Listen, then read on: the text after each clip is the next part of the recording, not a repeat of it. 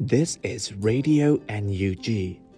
the voice of National Unity Government of Myanmar, broadcasting for Myanmar Spring Revolution. Radio NUG is transmitting from shortwave 16 meter 17.71 megahertz at 8 a.m.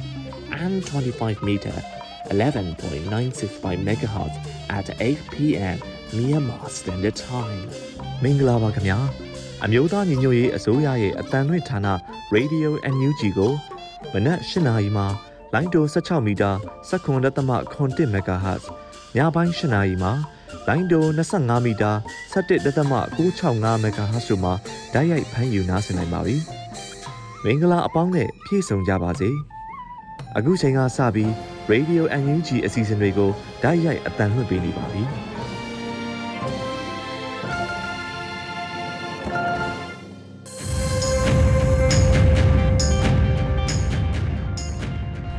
မြန်မာနိုင်ငံသူနိုင်ငံသားအပေါင်းတဘာဝပင်စစ်အာဏာရှင်ဘေးတို့ကနေကင်းဝေးပြီးကိုစိတ်နှပါကျမ်းမာလုံခြုံကြပါစေလို့ရေဒီယိုအန်ယူဂျီအဖွဲ့သားများကဆုတောင်းမေတ္တာပို့သလိုက်ရပါတယ်ရှင်။အခုချိန်မှစပြီးကာကွယ်ဝိညာဉ်ဌာနမှထုတ်ဝေသောစစ်ရေးတရေအကျဉ်းချုပ်ကိုတင်ဆက်ပေးသွားမှာဖြစ်ပါတယ်ရှင်။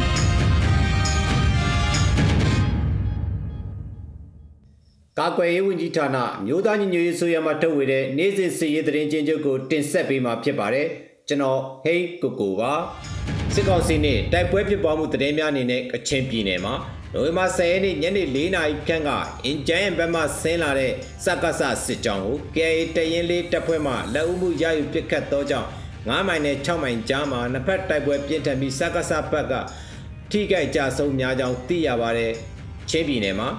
နိုဝင်ဘာ10ရက်နေ့ကမတူပီမြို့နယ် ထီပွေးရွာနဲ့ကလားရွာမှာစကားဆတက်နဲ့ CDF မတူပီတို့ထိတွေ့တိုက်ပွဲဖြစ်ပွားခဲ့ရာစကားဆတပ်သားများကြဆုံးများခဲ့ပြီး CDF မှမိုင်းနှင်းမိပြီးနှစ်ဦးပွဲချင်းပြီးကြဆုံးကတဦးမှခြေထောက်နှစ်ဖက်ပြတ်သွားခဲ့ပါတယ်။ဂရင်းနီပြည်နယ်မှာနိုဝင်ဘာ17ရက်နေ့နေ့လယ်တနာရီ90ခန့်ကဒီမော့ဆုမြို့နယ်ထူလီပီလာနဲ့တုံငံကျေးရွာနီးမှာစကားဆတပ်သားနဲ့ဂရင်းနီတက်မရ KAKNDF တပ်တို့ထိတွေ့တိုက်ပွဲဖြစ်ပွားရာ ၄နိုင်ခန့်ကြာမြင့်ခဲ့ပြီးစကားဆတပ်သား20ဦးသေဆုံးကထိခိုက်ဒဏ်ရာရရှိသူများပြားပြီး KNDF ဘက်မှတပ်သားတဦးကြာဆုံးခဲ့ကြောင်းသိရပါတယ်။ Skyline မှာနိုဝင်ဘာ10ရက်နေ့ညနေ4:30မိနစ်ခန့်ကကတာမြို့နယ်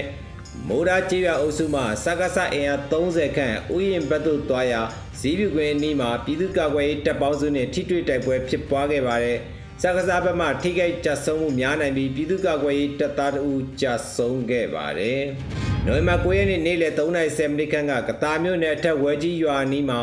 ကတာမြို့ဘက်မှလာတဲ့စကားစားတပ်သားများကိုပြည်သူ့ကာကွယ်ရေးတပ်ပေါင်းစုမှမိုင်းဆွဲတိုက်ခိုက်နိုင်ခဲ့ပြီးစကားစား30ကျော်သေဆုံးခဲ့ပါတယ်။ကိုတိုင်းမှာနိုဝင်ဘာ17ရက်နေ့မနက်9:20ခန်းကဂျိုးပင်ကောင်းမြို့စစ်ဆေးရေးဂိတ်ကိုပြည်သူ့ကာကွယ်ရေးအဖွဲ့ဂျိုးပင်ကောင်းမှဝင်ပစ်ခဲ့ရာ ဒူရဲဦးမမောင်တိုးဤလက်မောင်းကိုဖောက်ဝေပြီးညာနေညာရှက်ထီသွားကပြည်ဆေးုံကြီးကိုပို့လိုက်ရကြောင်းသိရပါတယ်။မကွေးတိုင်းမှာနိုဝင်ဘာ17ရက်နေ့မနက်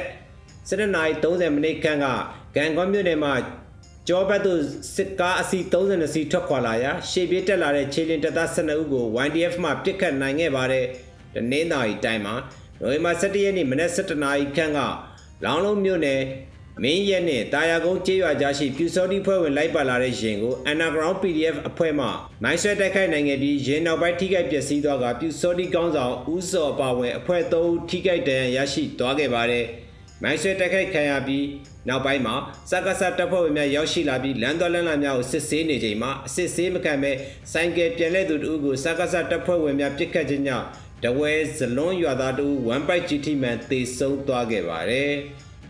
ရန်ကုန်တိုင်းမှာနိုဝင်ဘာ17ရက်နေ့မနက်10:00နာရီခွဲခန့်ကမော်ဘီမြို့နယ်မော်ဘီအမှတ်9313တင်ကားတက်လုံခြုံရေးဂိတ်ကိုအမည်မသိဖွဲ့မှပစ်ခတ်သွားပြီးစက္ကဆစစ်သားတူတေဆုံးခဲ့ပါတယ်။နိုဝင်ဘာ10ရက်နေ့ညနေ4:00နာရီခွဲခန့်ကလှိုင်မြို့နယ်12ရက်ကွက်ရန်ကုန်အင်းစိန်လန်းတိုင်းစစ်ဌာနချုပ်အာကစားခန်းမမှာတက်ဆွဲထားတဲ့စစ်တပ်မှစစ်သား3ဦးအရဲဝတ်ဖြစ်ဈေးသွားဝယ်စေအမတ်73ရက်ကွက်ဓမ္မဒုက္ခကျောင်းလန်းပါရမီစံကျော်ဆက်ရှိမှာပြစ်ခတ်ခံရပြီးသေဆုံးခဲ့ပါတယ် စေရေးပြစ်မှုမတရားဖမ်းဆီးတပ်ဖြတ်မိရှုမှုတည်များအနေနဲ့မွန်ပြည်နယ်မှာနိုဝင်ဘာ10ရက်နေ့ညပိုင်းကဘီလင်းမြို့နယ်မှာမိပြက်တဲ့အချိန်တွင်စကားဆမ်းမှအပြစ်မဲ့ပြည်သူ6ယောက်ဖြစ်သောကိုဟန်မိုးစောကိုရဲလင်းထွေအမျိုးသမီးမမြင့်မြင့်အေးကိုဖို့တရုတ်ကိုရဲကိုတီဟာဆိုကိုချစ်ကိုတို့ကိုဖမ်းဆီးခေါ်ဆောင်သွားခဲ့ပါတယ်ရှမ်းပြည်နယ်မှာနိုဝင်ဘာ17ရက်နေ့ကဖေခုံမြို့နယ်နဲ့ပင်လောင်းမြို့နယ်ကြားရှိကျေးရွာချို့မှာစကားစတများညအိတ်ရက်နာနေပြီး၎ င်းတို့စားတော့ရန်ပြည်သူများကချက်ပြုတ်ပေးခဲ့ရပါတယ်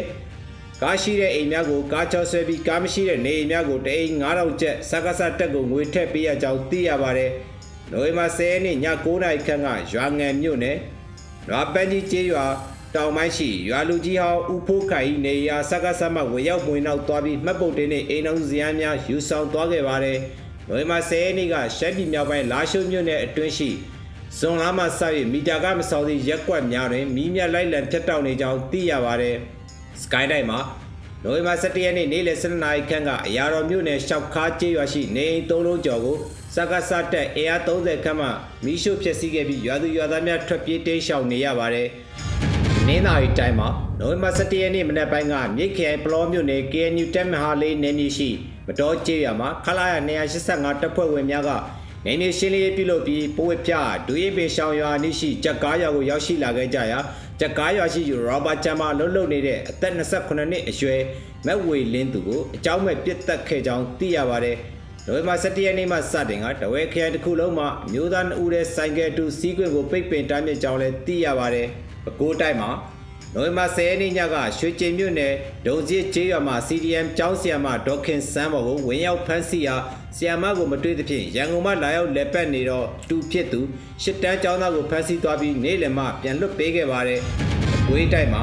နိုဝင်ဘာ17ရက်နေ့မနက်9:00နာရီခွဲခန့်ကမြိုင်မြို့နယ်ရှိ NLD အမျိုးသားလွတ်တော်ကိုယ်စားလှယ်ဦးကျော်ဆွေ၏အိမ်ဆိုင်ကိုတော်များကိုစက္ကစရက်ကွက်အုပ်ချုပ်ရေးအဖွဲ့နဲ့အတူချိတ်ပိတ်ထားခဲ့ပါတယ်။ နိုဝင်ဘာ17ရက်နေ့မနက်10:00နာရီခန့်ကမကွေးမြို့ကြာကန်ဘက်ရှိကိုစင်းနစ်အင်အားစက္ကစမှနယ်မြေကန်အုပ်ချုပ်ရေးဖွဲ့များနဲ့အတူနိုင်ငံပိုင်ဖြစ်ချိတ်ပိတ်သိမ်းယူခဲ့ပါတယ်။နိုဝင်ဘာ17ရက်နေ့မနက်6:00နာရီခန့်ကတောင်တွင်းကြီးမြို့နယ်အန်ဒယ်ဒီမြို့နယ်လုံးမှုဆောင်ဦးရဲကျော်စွာအိမ်ကိုဝင်ရောက်ရှာဖွေဖမ်းဆီးရာဦးရဲကျော်စွာကိုဖမ်းမမိ၍ဖခင်ဖြစ်သူဦးဝင်းရွှေအားစက္ကစမှမတရားကြမ်းဖက်ဖမ်းဆီးခေါ်ဆောင်သွားခဲ့ပါတယ်။နိုဝင်ဘာ10ရက်နေ့ ည10နာရီခန့်ကနတ်မောက်မြို့နယ်စခန်းမကျေးရွာသို့စကားဆတံများရောက်ရှိလာပြီးရွာထိပ်မှာဂိမ်းဆော့နေကြသောလူငယ်များလိုက်လံပစ်ခတ်မှုဖြစ်ပွားခဲ့ရာလူငယ်တို့အသက်ဆုံးရှုံးခဲ့ပြီးလူငယ်တယောက်ဖမ်းခံခဲ့ရပါတယ်။နိုဝင်ဘာ10ရက်နေ့ညပိုင်းကငဖဲမြို့နယ်ပဒန်းရွာကိုစကားဆမှစစ်သား30ရဲ30စုစုပေါင်းအင်အား60ဖြင့်ရွာတွင်းသို့ဝင်ရောက်ဖျက်ဆီးခဲ့ပါတယ်။မန်လီတိုင်းမှာနိုဝင်ဘာ10ရက်နေ့ညကညောင်ဦးမြို့နယ်ပကံမြို့ ကြံစီရဲ့ NLD ရက်ကျဲဥက္ကဋ္ဌဦးစေရမြင့်ကိုအကြမ်းဖက်စက္ကစများမှဖမ်းဆီးသွားခဲ့ပါတယ်။နိုဝင်ဘာ10ရက်နေ့ကစင်ကူးမြို့နယ်နွယ်ယုံကျေးရုံမှပြည်သူ့လွှတ်တော်ကိုယ်စားလှယ်ဒေါက်တာအောင်ကျော်ဦးအိမ်ကိုစက္ကစများမှဝင်ရောက်ရှာဖွေခဲ့ပါတယ်။ ARD တိုင်းမှာနိုဝင်ဘာ10ရက်နေ့ကဇေယျဝတီရက်ကွက်ရှိပညာပါရမီခမဲ့ပညာဒါနာကျောင်းဖွင့်လှစ်ထားတဲ့နေအိမ်တစ်လုံးကင်မလင်းကျွန်းလန်းမှာဖွင့်လှစ်ထားတဲ့လက်ဖက်ဆိုင်တစ်ဆိုင်ကိုဗစ်ရောဂါနဲ့ဆုံးမခဲ့သူ ဒေါက်တာစစ်တေဤစေကဖွင့်လှစ်ခဲ့ပူးတဲ့နေရာဟောင်းနဲ့အခြားပြည်သူ၃ဦးနေများအပါအဝင်နေရာ6နေရာထက်မနည်းကိုစက္ကစမှလိုက်လံချိတ်ပိတ်ခဲ့ပါတယ်။ဟုတ်ကဲ့ပါ။ခုသတင်းများကိုညီပင်သတင်းတာဝန်ခံများနဲ့သတင်းဌာနများမှဖော်ပြလာတဲ့အချက်အလက်များပေါ်အခြေခံပြီးပြုစုထားတာဖြစ်ပါတယ်ခင်ဗျာ။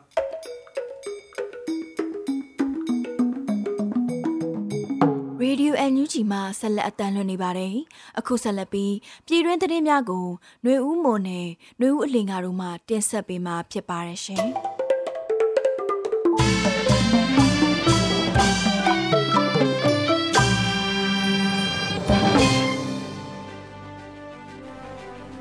နိုဝင်ဘာလ17ရက်နေ့ပြည်တွင်းသတင်းများကိုတင်ဆက်ပေးမှာဖြစ်ပါတယ်။သတင်းကောင်းစင်တွေကတော့ဒေါ်လာဈေးကျတော့လေကုန်စည်နှုန်းများဆက်လက်မြင့်တက်နေတဲ့သတင်းစ ကိုင်းတိုင်းဒေသကြီးကဏီမြို့နယ်မှာစစ်အင်အားနှစ်ဆတိုးချထားတဲ့သတင်းနဲ့ပလောမြို့နယ်အတွင်းရှိစီရီယမ်ဝင်တဲ့အယောက်20ခန့်ဖမ်းဆီးခံရတယ်ဆိုတဲ့သတင်းတွေကိုတင်ဆက်ပေးသွားမှာဖြစ်ပါတယ်။ပထမဆုံးသတင်းအနေနဲ့ဒေါ်လာဈေးကျတော့လဲကုန်စည်နှုန်းများဆက်လက်မြင့်တက်နေတဲ့ဆိုတဲ့သတင်းကိုတင်ဆက်ပေးပါမယ်ရှင်။လက်ရှိအချိန်မှာဒေါ်လာဈေးတွေဇက်တိုက်ကျဆင်းလာပြီးမဲ့လဲကုန်စည်ဈေးနှုန်းမှာကျဆင်းမှုမရှိပဲဆက်လက်မြင့်တက်နေစေရှိတယ်လို့စီးပွားရေးလုပ်ငန်းရှင်တွေကပြောပါတယ်။ ပြီးခဲ့တဲ့အောက်တိုဘာလကအမေရိကန်ဒေါ်လာ2300ဝန်းကျင်ခန့်စံချိန်တင်မြင့်တက်ခဲ့ပေမဲ့လည်းနိုဝင်ဘာ9ရက်နေ့မှာစစ်ကောင်စီလက်အောက်ခံဗဟိုဘဏ်မှသတ်မှတ်ထားတဲ့အမေရိကန်ဒေါ်လာဈေးနှုန်းမှာ1985ကျပ်ဖြစ်ခဲ့ပါတယ်။ဒေါ်လာဈေးကျဆင်းခဲ့ပေမဲ့လည်းကုန်စည်နှုန်းများကျဆင်းရဲ့အချိန်အတိုင်းအတာတစ်ခုထိလိုအပ်တယ်လို့စီးပွားရေးလုပ်ငန်းရှင်တဦးကပြောပါတယ်။ဒေါ်လာဈေးကကြာရိပ်ဘက်တန်းနေပေမဲ့ကုန်ပစ္စည်းတည်ယူပို့ဆောင်ရေးဈေးတွေကဈေးမကျသေးဘူး။ export ပစ္စည်းတွေအနေနဲ့တော့ ဈေးကဝန်းကနေထိုးကျလာမှမဟုတ်သေးဘူး။ကုန်စည်နှုန်းတွေပြန်ကျဖို့အချိန်အတိုင်းအတာတစ်ခုတော့စောင့်ရအောင်မဲ့အနေထားရှိတယ်။ဘာလို့ဆိုဒေါ်လာဈေးတက်တုံးကကုန်ပစ္စည်းတွေဝယ်ထားလိုက်ရတော့ခုချိန်မှာအကုန်ပစ္စည်းလက်ကျန်တွေကိုပဲဆက်ရောင်းနေရအောင်မလို့သူကပြောပါတယ်။ဆန်အပါဝင်ကုန်စိမ်းတွေနဲ့အခြားအခြေခံစားသုံးကုန်ပစ္စည်းတွေဈေးနှုန်းအကျဘက်ကိုရောက်လာပြီဖြစ်ပေမဲ့စားသုံးစီဈေးနှုန်းမှာဈေးနှုန်းမြင့်တက်နေဆဲဖြစ်ပါတယ်။ဒေါ်လာဈေးကျလာပေမဲ့နိုင်ငံရေးမတည်ငြိမ်မှုကြောင့်ထင်သာမြင်သာအောင် ဈေးနှုန်းကျဆင်းမှုမရှိသေးကြောင်းရန်ကုန်ဆောက်လုပ်ရေးပိုင်းကလုပ်ငန်းရှင်တဦးကခုလိုသုံးသပ်ထားပါတယ်။ခုချိန်မှာနိုင်ငံရေးမတည်ငြိမ်မှုတွေစီးပွားရေးမရေရာမှုတွေဖြစ်နေတဲ့အခါလူတို့ရဲ့အရာဝယ်ပိုင်းကိုထင်သာမြင်သာအောင်မရှိသေးပေမဲ့စီးပွားရေးကျသွားတဲ့ပြဿနာတွေရှိနေတယ်။ဒါကြောင့်စီးပွားရေးတစ်ခုလုံးဟာဒီနေ့အချိန်ထိမရေမရာဖြစ်နေတဲ့အတွက်ဈေးနှုန်းတွေဟာလည်းအချိန်ပိုင်းခဏအတွင်းပြန်ကျသွားနိုင်မှုအလားအလာမရှိဘူးလို့သူကပြောပါတယ်။ ဒေါ်လာဈေးနှုန်းစံချိန်တင်မြင့်တက်လာခြင်းကြောင့်73စီဈေး၊ရွှေဈေးလျှက်စစ်သုံးကုန်ပစ္စည်း၊အိမ်ဆောက်ပစ္စည်း၊ဆေးဝါးနဲ့တန်တယ်ပစ္စည်း၊ပလတ်စတစ်အိမ်သုံးပစ္စည်းအခြေခံစားသုံးကုန်စည်ဈေးနှုန်းတွေတစ်ချိန်တိုးဈေးနှုန်းမြင့်တက်လာတာတွေကြောင့်အခြေခံလူဒန်းစားတွေအတွက်အခက်အခဲများစွာရင်ဆိုင်နေကြရပါတယ်ရှင်။နောက်ထပ်သတင်းတစ်ပုဒ်ကတော့စကိုင်းတိုင်းဒေသကြီးကဏီမြို့နယ်မှာစစ်အင်အားနှစ်ဆတိုးချထားတဲ့သတင်းပဲဖြစ်ပါတယ်။ လေးချောင်းနဲ့ပြစ်ခတ်တိုက်ခိုက်မှုတွေလုပ်ခဲ့တဲ့ကဏီမြို့နယ်မှာနိုဝင်ဘာလ17ရက်နေ့ကစစ်ကောင်စီတပ်ကစစ်အင်အားနှစ်ဆထပ်မံတိုးချထားပြီးဒေသခံ2000ကျော်လောက်ဘေးလွတ်ရာထွက်ပြေးနေကြရတယ်လို့ဒေသခံတွေကပြောပါတယ်။မနေ့ကမှတိုက်ပွဲဖြစ်ပွားခဲ့တာစစ်တပ်ဘက်ကရဟတ်ရင်နဲ့ကိုပစ်တာခုဒီနေ့စစ်အင်အားတွေနှစ်ဆထပ်တိုးချထားတယ်ရွာသားတွေကတော့ကြောက်လို့ထွက်ပြေးနေကြရတယ်လို့ဒေသခံတအူးကပြောပါတယ်ပြီးခဲ့တဲ့နိုဝင်ဘာလ10ရက်နေ့ကစကိုင်းတိုင်းဒေသကြီးကဏီမြို့နယ်အတွင်း ဒဇယ်ချောင်းကျေးရွာအနီးမှာစစ်ကောင်စီတပ်ကဒေသကာကွယ်ရေးတပ်ကိုစတင်ပစ်ခတ်ခဲ့တာကြောင့်တိုက်ပွဲဖြစ်ပွားခဲ့ပြီးစစ်ကောင်စီတပ်ဖက်မှလေကြောင်းစစ်ကူခေါ်ယူထိုးစစ်ဆင်ခဲ့ကရွာသားအချို့ထိခိုက်ဒဏ်ရာရခဲ့တယ်လို့ဒေသခံတွေကပြောပါတယ်စစ်ကောင်စီတပ်မှရဟတ်ရင်တွေနဲ့ပစ်ခတ်မှုကိုဗီဒီယိုမှတ်တမ်းတွေကိုလည်းဒေတာကာကွယ်ရေးတပ်ကထုတ်ပြန်ထားတာလည်းတွေ့ရပါမယ်။အခုလိုလေကြောင်းပစ်ခတ်မှုနဲ့ပတ်သက်ပြီးစစ်ကောင်စီဘက်ကတစုံတရာထုတ်ပြန်တာမတွေ့ရသေးပါဘူး။ ဒီတိုက်ပွဲကြားစစ်ကောင်စီရဟတ်ရင်တွေနဲ့ပစ်ခတ်မှုကြောင့်ကလေးငယ်တို့အပါဝင်ဒေသခံရွာသား9ဦးထိခိုက်ဒဏ်ရာရခဲ့တယ်လို့ရွာသားတွေကပြောပါတယ်။သူတို့ဘက်ကစစ်ကြောင်းနှစ်ကြောင်းခွဲပြီးတိုက်တာကနီးရဲ့အရှိဘက်မှာရှိတဲ့ရွာချောင်းကိုဖျက်ပြီးမင်းကုန်းဘက်ကနေတကြောင်းတက်တယ်။အလဲကျေးရွာဘက်ကတကြောင်းတက်တယ်။တက်လာတော့အပေါ်ကဆက်သက်နက်တင်းနဲ့ပြစ်တယ်ဘုံတွေလည်းချတယ်လို့မနစ်ကရွာတွေပေါ်ရဟက်ရင်တွေနဲ့ပြစ်ချခံခဲ့ရတဲ့အခြေအနေကိုရွာသားတအူးကပြောပါတယ် အဲ့ဒီပြစ်ခတ်မှုတွေပြီးမှစစ်ကောင်စီကကျေးရွာတွေအနီးစစ်အင်အားနှစ်ဆနီးပါးတိုးချဲ့ချထားလိုက်တာကြောင့်ဒဇယ်ချောင်းရှမ်းမြောင်ညောင်ပင်မန်းအပါအဝင်ရွာပေါင်း9ရွာကဒေသခံ2000နီးပါးဟာလူရာကိုထွက်ပြေးတိမ်းရှောင်နေကြရတယ်လို့ဒေသခံတွေကပြောပါတယ်ဆက်လက်ပြီးကြန့်ရှိသတင်းတွေကိုຫນွေဦးအလင်္ကာကတင်ဆက်ပေးမှာဖြစ်ပါတယ်ရှင်ယခုဆက်လက်ပြီးပလောမြို့နယ်အတွင်း CDM ဝန်ထမ်းအယောက်20ခန့်ဖမ်းဆီးခံရတဲ့တဲ့တင်ကိုတင်ဆက်ပေးကြပါမယ်။ ဗိတ်ခိုင်ပလောမြို့နယ်အတွင်းကအာနာဖီဆန်လှုပ်ရှားမှု CDM မှာပါဝင်ထားတဲ့ဝန်ထမ်းအယောက်20ခန့်ကိုနိုဝင်ဘာလ10ရက်နေ့ကစစ်ကောင်စီတပ်တွေလာရောက်ဖမ်းဆီးခေါ်ဆောင်သွားခဲ့တယ်လို့ဒေသခံတွေစီကတစင်သိရှိရပါတယ်။ညနေ6နာရီခွဲလောက်ကလာဖမ်းသွားတာသူတို့ကထွက်ပြေးလာတဲ့သူတွေဘလို့သတင်းရသွားလဲတော့မသိဘူးစစ်တပ်ကဝိုင်းပြီးဖမ်းသွားတာအဲ့ဒီထဲမှာဆရာဝန်တွေလည်းပါတယ်လို့အမည်မဖော်လို့သူဒေသခံတူကပြောပါတယ် အဆိုပါဖမ်းဆီးခေါ်ဆောင်သွားသူတွေကိုလည်းစစ်ကောင်စီဘက်ကရိုက်နှက်ထူထောင်းတာတွေပြုလုပ်ခဲ့တယ်လို့ဒေသခံတွေကပြောပါတယ်လက်ရှိအချိန်မှာစစ်ကောင်စီတပ်ဖွဲ့ဝင်တွေဟာပလောမြို့နယ်ရှမ်းတူမတော်ရေရှမ်းဂျက်ကမိချောင်းတိုက်ချောင်းလာစတဲ့ကြေးရွာတွေမှာစစ်ရေးဝင်ရောက်လှုပ်ရှားမှုတွေများလာတယ်လို့ပြီးခဲ့တဲ့နိုဝင်ဘာလ10ရက်နေ့ကစစ်အင်အား60ခန့်နဲ့ဝင်ရောက်လာပြီးနိုဝင်ဘာလ17ရက်နေ့မှာလည်းနောက်ထပ်စစ်အင်အား90ခန့်ထပ်မံဝင်ရောက်လာတယ်လို့သိရှိရပါတယ်။ အခုလိုစီရင်ဝင်ရောက်လှုပ်ရှားလာတဲ့စစ်ကောင်စီတပ်ဖွဲ့ဝင်တွေနဲ့ကရင်မျိုးသားစီယုံ KNU တပ်မဟာလေးလက်အောက်ခံကရင်မျိုးသားလွတ်မြောက်ရေးတပ်မတော် KNLD တပ်ဖွဲ့ဝင်တွေအကြားတိုက်ပွဲတွေဖြစ်ပွားနေသလိုဒေသခံရွာသားတွေလည်းဘေးလွရာထွက်ပြေးတိမ်းရှောင်နေရကြောင်း KNU တာဝန်ရှိသူတွေနဲ့ဒေသခံတွေကပြောပါတယ်။ လက်ရှိဖမ်းဆီးခံရတဲ့ CDM ဝန်ထမ်းတွေဟာပြည်သူမျိုးဝါပါဝင်ကြောင်းကိုအတီးပြုနိုင်ခြင်းမရှိသေးပေမယ့်နေမြေကန် KNU တပ်မှုတူကတော့ဖမ်းဆီးခံရတဲ့၃ယောက်လောက်တော့အတော်လေးရိုက်နှက်ခံရတဲ့အခြေအနေဆိုရင်ရတယ်အသက်ရှင်ဖို့လဲရာဂိုင်နှုန်းနည်းတယ်လို့ပြောပါတယ် ပြီးခဲ့တဲ့နိုဝင်ဘာ9ရက်နေ့ကလည်းပလောမြို့နယ်မတော်ကျွရွာအတွင်းကိုစစ်ရေးဝင်ရောက်လှုပ်ရှားလာတဲ့စစ်ကောင်စီတပ်ရဲ့ခြေလျင်တပ်ရင်ခလာရ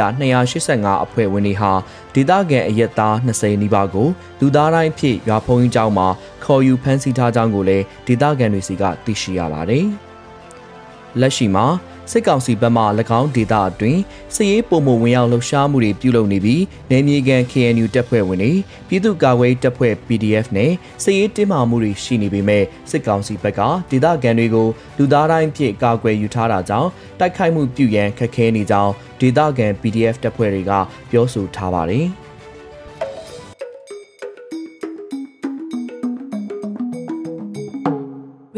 NUG မှာဆက်လက်အသံလွှင့်နေပါတယ်။အခုဆက်လက်ပြီးအမျိုးသားညီညွတ်ရေးအစိုးရ6လပြည့်ပြည်သူတို့အစည်းရင်ခံခြင်းအစီအစဉ်မှာလျှက်စစ်နဲ့စွမ်းအင်ဝန်ကြီးဌာနပြည်ထောင်စုဝန်ကြီးဦးစိုးသူရထွန်းရဲ့ပြောစကားကိုနားဆင်ရမှာပဲဖြစ်ပါတယ်ရှင်။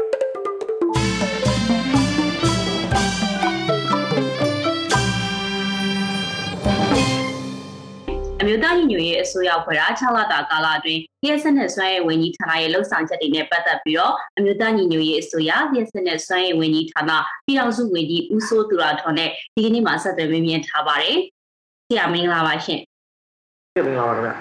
ဟုတ်ကဲ့ဟိုပထမအဆုံးအနေနဲ့မေးချင်တာကအခုအမျိုးသားညီညွတ်ရေးအစိုးရဖွဲ့တာ6လလည်းရှိသွားပြီဆိုတော့ဒီ6လအတွင်းမှာဆရာတို့ဝန်ကြီးဌာနအနေနဲ့လုပ်ခဲ့တာတွေကမှဟိုပြည်သူတွေကိုထူးထူးခြားခြားအသိပေးချင်တာရှိရင်အရင်ဆုံးပြောပြပေးပါဆရာဟုတ် ဟုတ်ကဲ့ကျွန်တော်တို့ဌာနကတော့နင်းနောက်ကြပါတယ်ဇွန်လ9ရက်မှာစဖွဲ့တော့ဆို၄လခွဲပေါ့လေအဲ့တော့ဟိုဒီဌာနဖွဲ့ပြီးကြီးမဲ့ကျွန်တော်တို့ဟိုကျွန်တော်တို့ပထမဆုံးပြီးကြောင်ညာလာရေးထုတ်ပါတယ်ပထမဆုံးတစ်ခုပဲကျွန်တော် highlight လုပ်ပြီးပြောပါမယ်တစ်ခုက digital မီတာကအနေနဲ့ပတ်သက်ပြီးတော့ဒီလူကိုဆက်ပြီးတော့ encouragement လုပ်တဲ့အားပေးဟာပါအရင်တော့ကဘန်ကင်းနဲ့ဗန်နိုင်ဝီဌာနထုတ်ခဲ့တာဆိုတော့ဒီအောင်ဆက်ပြီးတော့အားပေးပါတယ်ကျွန်တော်အတည်ပြုတယ်ဒီလိုမီတာတွေကိုဟို ဆောင်းဝဲမပြီးဆောင်းကြမလို့ဆိုတဲ့အကြောင်းနဲ့လုပ်ငန်းသုံးတွေတော့ရှေ့ဆိုင်တဲ့အကြောင်းပေါ့ဒါဒီနေ့ဒီလည်းဆက်လုပ်နေတဲ့လုပ်ငန်းမှာပဲ campaign နဲ့အားလုံးလည်းပြည်သူတွေလည်းဒေါ်လီကျူသာပန်းသာလုပ်ခဲ့တယ်ပေါ့လုပ်ခဲ့တဲ့အခါကျဒီအားကြောင့်လည်းပြည်သူတွေအတွက်ဒါကမပေးရသလိုတစ်ဖက်ကလည်းတစ်ဖက်စိတ်ကောင်းစီအတွက်လည်းဒီကျွန်တော်တို့ဝင်ဝင်နေတဲ့ဆိုရင်တစ်လောက်ကိုကျွန်တော်တို့ဒေါ်လာတန်160လောက်နစ်နာတော့ပါတယ်ဒါကျွန်တော်တို့လုပ်နိုင်ခဲ့ရတာပါ နောက်တစ်ခုတော့ရေနံစွမ်းရည်ကိစ္စပါအဲ့ဒါကတော့ကျွန်တော်တို့အပြည့်အဝမောင်မြင်သွားဘူးစွမ်းရည်ကိစ္စမှာတော့ကျွန်တော်တို့ကဘဝတောင်းဝရဝင်ငွေတွေကိုဒီကော်ဖီလေးတော့မထည့်ဘူးနဲ့တရားအကောင့်တစ်ခုမှာတက်တရားထားဖို့ကျွန်တော်တို့အသိကြီးပူးသားခဲ့တယ်အခုတရားတော်ပေါင်းတွေကတရားဥပဒေနီလန်းတွေရောပြည်သူနီလန်းတွေရောနီလန်းမျိုးမျိုးနဲ့ဆက်လက်ကျူးစားနေတဲ့ရှိပါသည်ဘယ်ကျွန်တော်တို့ဆိုရဖွဲ့မှာဒီတော့တိုင်ပင်ကြပါတယ်ပြီးတော့ကျွန်တော်ဌာနစားစားခြင်းမှာဘာလို့တော့ဒီ တရားဝန်ထမ်းတွေကျွန်တော်ပြန်စုပြီးတယ်ပေါ့သူတို့လည်းအပနာမအားတက်ကြပါတယ်ပြီးတော့ကျွန်တော်တို့ဒါကတိုင်းပြည်ကြီးထောင်မယ်ဆိုရင်ဒီဌာနကိုပြန်လဲဖွဲ့စည်းဖို့ဘယ်လိုပုံစံနဲ့သူတို့တောက်ချင်မလဲသူတို့ရဲ့သဘောထားတွေနဲ့ပြန်ပြင်နေပါတယ်နောက်တစ်ခါသက်စီတာနဲ့စွမ်းရည်နဲ့ပတ်သက် master plan ပေါ့ဒီလိုရမယ့်ဟာတွေကိုလည်းကျွန်တော်တို့ဆက်လက်ဆွေးနေတဲ့အချိန်လေးရနေပါတယ်နောက်တစ်ခုကတော့ဝန်ထမ်းတွေကိုကျွန်တော်တို့စိတ်လက်စိတ်အားလဲပို့ပြီးရအောင်ပြီးတော့လည်းသူတို့လည်းရည်ချင်းပို့တက်အောင်သင်တန်းတွေနိုင်ပေးပါတယ်သူတို့လိုချင်တဲ့သင်တန်းတွေကိုကျွန်တော်တို့က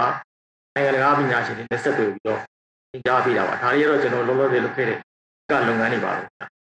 ဟုတ်ကဲ့ပါဆရာအဲ့တော့အခုဒီ NUG အနေနဲ့ကလည်းနောက်6လအတွက်ပေါ့နော်စီမံကိန်းတွေဆွဲပြီးတော့ဒီတော်လှန်ရေးကိုအောင်ပွဲနဲ့အမြန်ဆုံးအဆုံးသတ်ဖို့ဟိုဆောင်ရွက်နေတယ်လို့သိရပါတယ်ဆရာအဲ့တော့ဒီနောက်6လမှာဆရာတို့ရဲ့ဝန်ကြီးဌာနအနေနဲ့အဓိကဦးစားပေးပြီးလုပ်သွားမယ့်အချက်ကဘာများဖြစ်မလဲရှင်အကြောင်းအရာကအကြောင်းအရာကြီးကသုံးခုပါပဲ ကျွန်တော်တို့ဒါပြီးခဲ့တဲ့လုပ်ကမ်းစဉ်နဲ့လည်းစိုက်နေသူစက်လုံးမှာလည်းဒီတဲရရပဲသွားမှာပထမဆုံးတစ်ချက်ကကျွန်တော်တို့ကကျန်းဖက်အုပ်စုရဲ့ဘုံမရလန်းတွေကိုတတ်နိုင်များဖြတ်တော့တယ်ဟုတ်တဲ့အတွက်ကြောင့်လည်းဒီသူကူလည်းဘလုံးဘုံမဖြစ်စရာဘူးအဲတော့ပြောခဲ့ပိုင်းကိစ္စတွေကိုဆက်ကြိုးစားရမယ်လုပ်ဖြစ်ပါတယ်ဆိုတော့ကျွန်တော်တို့အနာဂတ်တည်ထောင်တောင်းပြီးတော့ researcher ခုနကတော့ပြောတဲ့အချက်တွေပါတယ်ဒါကိုကျွန်တော်ဆက်ပြီးတော့ကျူစာပြီးဆက် carry on လုပ်သွားမှာဖြစ်တော့တော့မထူးဆန်းဘူးပေါ့လေ လုပ်လက်စာတွေကိုကျွန်တော်ဆက်ပြီးဆက်လုပ်သွားမှာဖြစ်ပါတယ်နောက်တတိယတစ်ခုကတော့လက်တလောအတွက်အရေးကြီးတဲ့လုပ်ငန်းတစ်ခုပါဒါပါလို့ဆိုအရေးပေါ်ကာလပေါ့အခုပြင်စစ်ပွဲတွေဖြစ်တဲ့အချိန်မှာလူတွေကိုလက်စစ်တာပြတ်တော့မှုအနည်းဆုံးဖြစ်စီဒါလည်းတစ်ချက်အဲဒီသူတွေကနေလာဒေတာကန်အုပ်ချုပ်ရေးခွဲဒီကဝေးခွဲတဲ့နေတက်တော့စီတဲ့နေရာတွေကိုအနေအကြီးကြီးနဲ့ချက်တော့နိုင်မှုတစ်ချက်ဒါကျွန်တော်တို့ဌာနရဲ့ပညာရှင်တွေနဲ့ဆက်ပြီးတော့လုပ်နေပါပါသုံးချက်ကအဓိကပါပဲ တစ်ဖက်မှာတော့ကျွန်တော်တို့ကတော်လိုင်းကာလာမှာဆက်နေတဲ့ဆက်လုပ်နေတဲ့ဒီတော့တိုင်းရင်းသားဒေသတွေမှာကျွန်တော်တို့တွေလည်းရောက်နေတယ် CDM ဝန်ထမ်းတွေလည်းရှိတယ် PDF တွေလည်းရှိတဲ့အခါကျတော့ဒီဒေသတွေကိုကျွန်တော်တွေ့ရတာလေကိုယ်တိုင်လည်းကိုယ်တွေခံစားပြီးတဲ့အခါကျတော့သူတို့မှာဒီကြွားသုံးဖြစ်စစ်ဓာတ်လေးတွေဟိုဆူလာလေးတွေဒါရေအားလေးစစ်အသေးလေးတွေလုပ်နိုင်မှုပေါ့လေကျွန်တော်သင်နေပါတယ်ဒါလည်းကျွန်တော်ပြင်ဆင်နေခဲ့တာ၄၅လရှိပါပြီ။ရမုံငွေလည်းအခြားသွားရေးလာရေးခက်ခဲတွေစဉ်းစားပြီးတော့လုပ်နေတယ်ဖြစ်ပါတယ်။ ဆက်လေးတာကိုတောင်းနေပေါ်တော့ဖြစ်ပါတယ်။ဟုတ်ကဲ့ပါဆရာ။အဲ့တော့အခုဒီလက်ရှိဆရာနာရှင်ကိုတော်လှန်နေရဲပေါ့နော်။ဟိုဒီຫນွေဦးတော်လှန်ရေးရဲ့အလားအလာကိုရောအဲဆရာအနေနဲ့ဘယ်လိုမျိုးသုံးသပ်ချင်ပါလဲရှင်။ဟုတ်။ကျွန်တော်တော့အကောင်းမြင်ပါတယ်။ကျွန်တော်လည်းနိုင်ငံရေးသမား88တည်းရှိခဲ့တယ်။ကျွန်တော်တို့ခဲ့တဲ့တော်လှန်ရေးဒီအားလုံးလောက်အင်အားကြီးတဲ့ကောင်းနေရမရှိဘူးသူတို့ရဲ့အမြင်ကအမှန်တန်ရှင်းလင်းတယ်ဟလာလင်းနေလျောမြင်းဆောင်မကြံဆိုတိုင်းလူတိုင်းလူတိုင်းဟာ ဒီမှမမတော်လိုက်မဖြစ်တော့ဘူးဆိုတဲ့အတွေးနဲ့လုပ်ကြတယ်နောက်ပြီးသူစာပဲကြီးနေတဲ့အတွက်လည်းစာပဲပြည်သူနာနေကြီးတဲ့တွေ့ရှိတယ်ပေါ့ဒီလမ်းမျိုးစုံနဲ့တော်လမ်းကြရင်နောက်ထောက်ပံ့ကူညီကြတာဆိုရင်လည်းအံ့ဩစရာကောင်းလောင်းပါပဲဟိုကိုဗစ်ကာလတစ်နှစ်ခွဲကိုလည်းဒီလူကြီးဟာအားတင်းပြီးတော့တယောက်တယောက်လူတိုင်းနဲ့ကြော်ခက်ခဲ့တာလေဟိုဒီစစ်ကာလကြတော့လည်းဆက်ပြီးတော့ကြံလူတိုင်းကြရတာပဲထောက်ပံ့ပူဆောင်ရေးလုပ်ငန်းတွေကိုပုံလုပ်တယ်ခုနကပြောစီပီးကြောင်တွေအတွက်ကောတက်ဒီအတွက်ကော ဒီအတွက်ကောအချင်းချင်းရောအကုန်လုံးပြုကြတယ်လောက်တကြွမှုမျိုးကျွန်တော်တို့အပိုင်းမှာအမှန်တန်ရှားခဲ့ပါတယ်အဲ့တော့ဒီဒေါ်လာရေးအောင်မြင်ရမယ်လို့ပဲကျွန်တော်ယုံကြည်ယုံကြည်အတွက်ကြောင့်လည်းခုနကကျွန်တော်တို့ဌာနရဲ့ဝါဒတွေမှာလည်းခုနပြောအခုနောက်ကနှစ်ချက်ပေါ့လေဒီအနာဂတ်ကာလဒီထောင်မှုအတွက်ကိုသင်စင်တာဒီနောက်ဒီကြားကာလအတွက်ပြမတော့ဘူးအားကြောင်လုပ်ဖို့အဲဒီကျွန်တော်လုပ်ပြရခြင်းဖြစ်ပါတယ်အဲ့တော့ကျွန်တော်တို့အားလုံးကတော့ယုံကြည်ရတိုင်းပဲသွားမှာဖြစ်ပါတယ် ဟုတ်ကဲ့ပါဆရာအခုလိုအချိန်ပေးပြီးတော့ဖြေကြားပေးရတဲ့အတွက်ကျေးဇူးအများကြီးတင်ပါတယ်ဆရာဟုတ်ကဲ့ကျေးဇူးတင်ပါတယ်နော်ကျွန်တော်တို့ကလည်းကျွန်တော်တို့ဌာနရဲ့လုပ်ဆောင်နေရယူဒီကိုဒီအားဖြင့်အတည်ပြုခွင့်ရတာအများကြီးဝမ်းသာပါတယ်ကျေးဇူးတင်ပါတယ်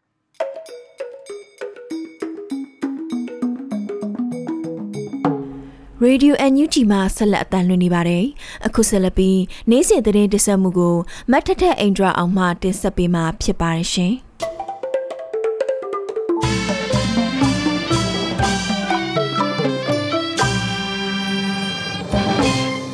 မဆုံးအနေနဲ့ပညာဖြင့်တော်လန်နှွေဦးရဲ့အောင်လန်ပညာရေးရန်ပုံငွေ live show ပွဲလက်မှတ်ဝယ်ယူထားသူတွေကိုအမတ်တရလက်ဆောင်တွေမဲဖောက်ပေးသွားမယ့်တဲ့တင်ကိုတင်ဆက်ပေးချင်ပါတယ်။အမျိုးသားညီညွတ်ရေးအစိုးရပညာရေးဝန်ကြီးဌာနကပြုလုပ်တဲ့ပညာဖြင့်တော်လန်နှွေဦးရဲ့အောင်လန်ပညာရေးရန်ပုံငွေအွန်လိုင်းဖျော်ဖြေပွဲကိုလာမယ့်နိုဝင်ဘာ23ရက်နေ့မြန်မာစံတော်ချိန်ည8:00နာရီအချိန်မှာကျင်းပပြုလုပ်သွားမှာဖြစ်ပြီးလက်မှတ်တွေကိုတော့ unitedhyz.com ကနေဝယ်ယူရရှိသလို US, UK, Australia, New Zealand, Japan, Korea, Singapore, Taiwan နဲ့ ထိုင်းစတဲ့နိုင်ငံတွေမှာလည်းသက်ဆိုင်ရာငွေကြေး currency နဲ့ဝယ်ယူနိုင်ဖို့အယောင်ကိုယ်စားလှယ်တွေထားရှိထားတယ်လို့သိရပါတယ်။ Virtual Live Show လက်မှတ်ဝယ်ယူထားသူတွေအတွက်အမှုပညာရှင်တချို့ရဲ့လက်ရပကြီးကားတွေနဲ့တခြားသောလက်ဆောင်ပစ္စည်းတွေကိုကန်ဆယ်မဲဖောက်ပြီးမြစ်တက်လက်ဆောင်ပေးသွားမယ့်အစီအစဉ်တစ်ခုလည်းပါဝင်သွားမှာပါ။ ရှိုးဝက်လက်မှတ်တွေကိုပွဲမစခင်73ရက်နေ့မြန်မာစံတော်ချိန်ညနေ6နာရီအထိရောင်းချပေးသွားမှာဖြစ်ပြီးကန်ဆယ်မဲတွေကိုတော့ပွဲမစတင်ခင်ကြိုတင်မဲဖောက်ပေးသွားမှာမို့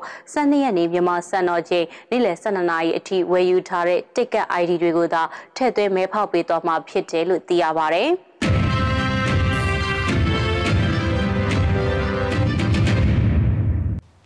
မျိုးသားညီညွတ်ရေးအစိုးရဟာအကြမ်းဖက်စစ်ကောင်စီရဲ့ပေါ်စီးပွားရေးရဒဏ်ခတ်အရေးယူပိတ်ဆို့မှုနဲ့ပတ်သက်တဲ့မူဝါဒကိုထုတ်ပြန်ခဲ့တဲ့သတင်းကိုတင်ဆက်ပေးချင်ပါတယ်။အမျိုးသားညီညွတ်ရေးအစိုးရဟာအကြမ်းဖက်စစ်ကောင်စီအပေါ်စီးပွားရေးအရဒဏ်ခတ်အရေးယူပိတ်ဆို့မှုနဲ့ပတ်သက်တဲ့မူဝါဒကိုနိုဝင်ဘာ10ရက်မှာထုတ်ပြန်ခဲ့ပါတယ်။ တရားဥပဒေစိုးမိုးရေးကိုမထိမဲ့မြင်ပြုတာအပြစ်မဲ့ပြည်သူတွေကိုထိခိုက်စေတာနဲ့ဒီမိုကရေစီနည်းကျရွေးကောက်တင်မြှောက်ခံထားတဲ့ပြည်သူကိုယ်စားလှယ်တွေကိုအတိအမှတ်ပြုဖို့ညှင်းဆိုတဲ့အကြမ်းဖက်စစ်ကောင်စီကိုအမျိုးသားညီညွတ်ရေးအစိုးရကအကြမ်းဖက်အဖွဲ့အစည်းဖြစ်ကြေညာထားပြီးဖြစ်လို့အကြမ်းဖက်စစ်ကောင်စီကိုနိုင်ငံခြားကုမ္ပဏီတွေအနေနဲ့စီးပွားရေးလှုပ်ဆောင်ချက်တွေကတဆင့်ကုညီထောက်ပံ့မှုဆက်သွယ်ဆောင်ရွက်မှုမပြုလုပ်ဖို့လိုအပ်တယ်လို့ဖော်ပြထားပါတယ်။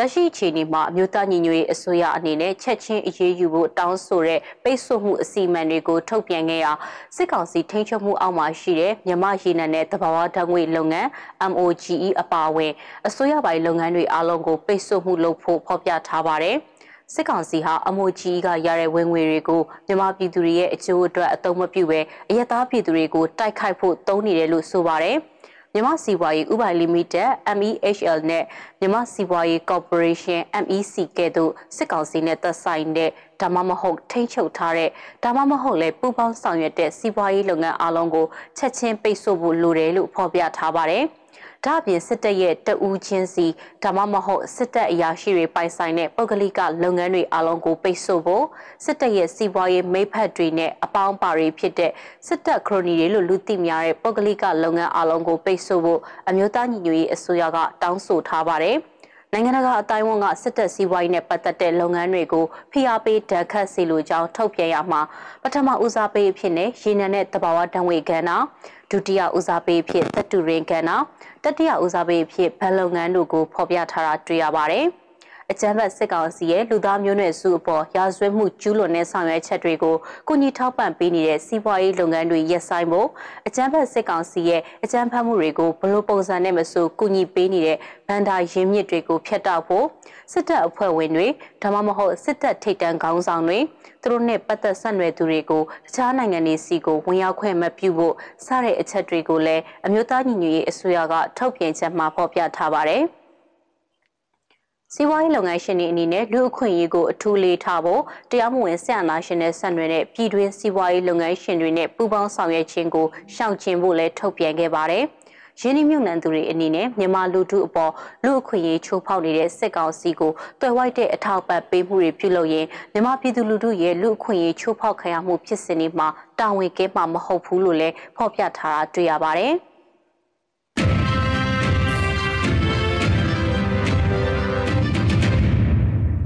ဆက်လက်ပြီးကုလသမဂ္ဂလုံခြုံရေးကောင်စီကမြန်မာနိုင်ငံတလွှာအကြမ်းဖက်မှုတိုးနေတဲ့အပေါ်စိုးရိမ်ကြောင်းကြေညာချက်ထုတ်ပြန်ခဲ့တဲ့သတင်းကိုတင်ဆက်ပေးပါမယ်။ကုလသမဂ္ဂလုံခြုံရေးကောင်စီကမြန်မာနိုင်ငံတလွှာအကြမ်းဖက်မှုတိုးနေတဲ့အပေါ်ကိုစိုးရိမ်ကြောင်းနိုဝင်ဘာ10ရက်ကထုတ်ဖော်ပြောကြားလိုက်ပါတယ်။ ရှာရှာပပထုတ်ပြန်တဲ့ကြေညာချက်ထဲမှာတိုက်ပွဲတွေချက်ချင်းရပ်ဖို့အရသားတွေဘေးကင်းတာတေချာစေဖို့နဲ့စစ်တပ်ကအစုံစွန်ထိမ့်ထိမ့်သိမ့်သိမ့်လုပ်ဖို့အဖွဲ့ဝင်15နိုင်ငံပါတဲ့လုံခြုံရေးကောင်စီတရက်လုံးကသဘောတူဆော်ဩလိုက်တာပါ COVID-19 ကရောဂါကာကွယ်ဆေးတွေဘေးကင်းကင်းအဟန့်အတားမရှိတာလူညီပြတည်ယူဖျက်မြူးနိုင်ရေးပံ့ပိုးဆောင်ရွက်ပေးဖို့အပါအဝင်မြန်မာနိုင်ငံအတွင်းကျန်းမာရေးနဲ့လူသားချင်းစာနာမှုအခြေအနေတွေတိုးတက်ဖို့ခြေလှမ်းတွေကအရေးကြီးတယ်လို့လည်းလုံခြုံရေးကောင်စီအဖွဲ့ဝင်နိုင်ငံတွေကမိမောက်ထိုးပြခဲ့ပါတယ်။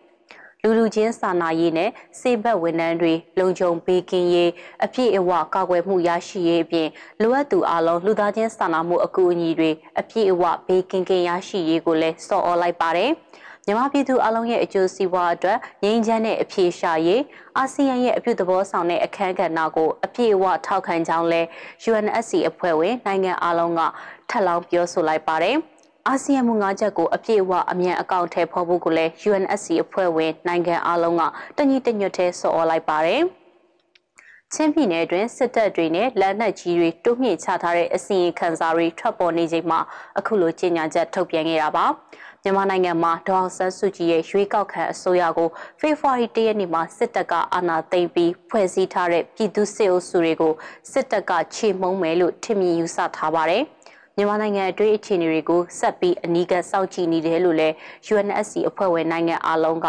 PPCC ပြောဆိုခဲ့ကြတာကိုလည်းတွေ့ရပါတယ်။အခုလိုကြေညာချက်ထုတ်တာဟာမြန်မာပြည်သူလူထုရဲ့လက်ရှိခံစားနေရတဲ့ဒုက္ခတွေအတွက်လုံလောက်တဲ့ဆောင်ရွက်ချက်မဟုတ်ဘူးလို့ကုလသမဂ္ဂဆိုင်ရာမြန်မာအမြဲတမ်းကိုယ်စားလှယ်တာမတ်ကြီးဦးချိုမှုထွန်းကပြောပါတယ်။